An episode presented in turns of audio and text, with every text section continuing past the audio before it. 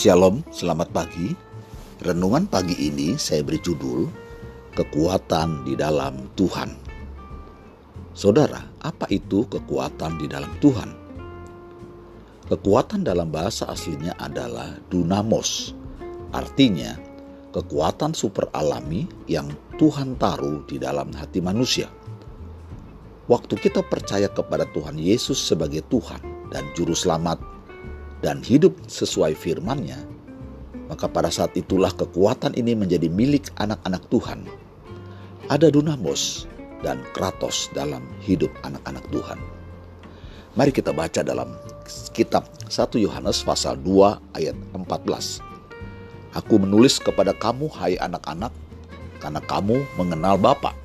Aku menulis kepada kamu hai bapak-bapak karena kamu mengenal Dia yang ada dari mulanya Aku menulis kepada kamu, hai orang-orang muda, karena kamu kuat dan firman Allah diam di dalam kamu dan kamu telah mengalahkan yang jahat.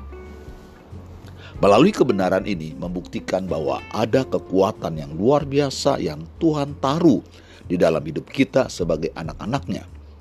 Kekuatan tersebut diberikan dengan maksud dan tujuan untuk mengalahkan kekuatan roh jahat yang terkadang datang secara tiba-tiba untuk mengintimidasi kita lewat pikiran dan perasaan.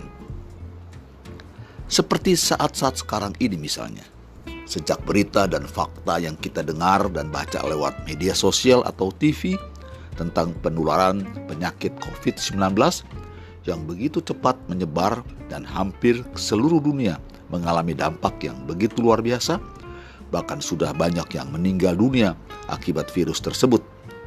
Sebagai manusia normal, rasa takut pasti ada. Namun kita harus mengerti bahwa anak-anak Tuhan jangan sampai takut berlebihan. Sebab Tuhan tidak memberi kita roh ketakutan, tetapi memberi kita roh keberanian. 2 Timotius 1 ayat 7 Sebab Allah memberikan kepada kita bukan roh ketakutan, melainkan roh yang membangkitkan kekuatan, kasih, dan ketertiban. Kebenaran inilah yang harus kita imani dan percayai, bahwa perasaan takut yang berlebihan bukan dari Tuhan, tetapi dari roh jahat. Perasaan inilah yang harus kita tolak. Lalu bagaimana cara kita mengalahkan perasaan takut yang berlebihan? Dengan memperkatakan kuasa firman Tuhan, seperti yang Tuhan Yesus lakukan atau ajarkan. Dalam kitab Matius pasal 4 ayat 4, tetapi Yesus menjawab, ada tertulis manusia hidup bukan dari roti saja, tetapi dari setiap firman yang keluar dari mulut Allah.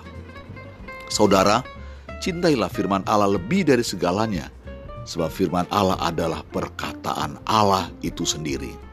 Yohanes 1 ayat 1, pada mulanya adalah firman, firman itu bersama-sama dengan Allah, dan firman itu adalah Allah. Jadi kita tahu sekarang bahwa perasaan takut berlebihan harus segera diusir. Tak kala perasaan tersebut mulai bersarang di pikiran kita. Perkatakanlah perkataan-perkataan firman. Taruh dan simpan itu dalam pikiran dan hati kita. Selanjutnya ada kekuatan yang disebut dalam bahasa aslinya adalah kratos. Roma 8 ayat 11.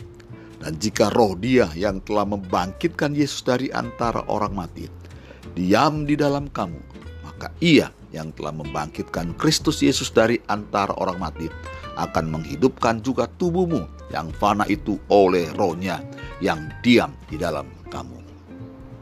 Ini adalah kekuatan dari roh kudus yang diterima oleh murid-muridnya waktu diperintahkan oleh Tuhan Yesus Kristus menunggu di loteng Yerusalem.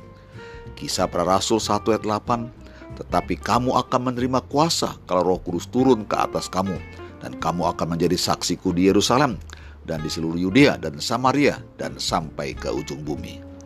Perhatikanlah kisah para rasul ini. Ada kekuatan kuasa roh kudus yang akan bermanifestasi melalui anak-anaknya dengan tujuan untuk melakukan hal-hal yang dia kehendaki untuk kita kerjakan. Yohanes 16 ayat 8 dan 9 dan kalau ia datang, ia akan menginsiapkan dunia akan dosa, kebenaran dan penghakiman akan dosa karena mereka tetap tidak percaya kepadaku. Yohanes 14 ayat 26 Tetapi penghibur yaitu roh kudus yang akan diutus oleh Bapa dalam namaku Dialah yang akan mengajarkan segala sesuatu kepadamu dan akan mengingatkan kamu akan semua yang telah kukatakan kepadamu.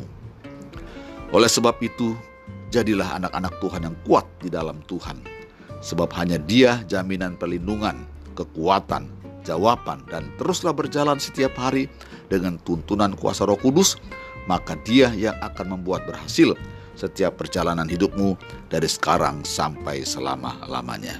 Sampai jumpa Tuhan memberkati. Amin.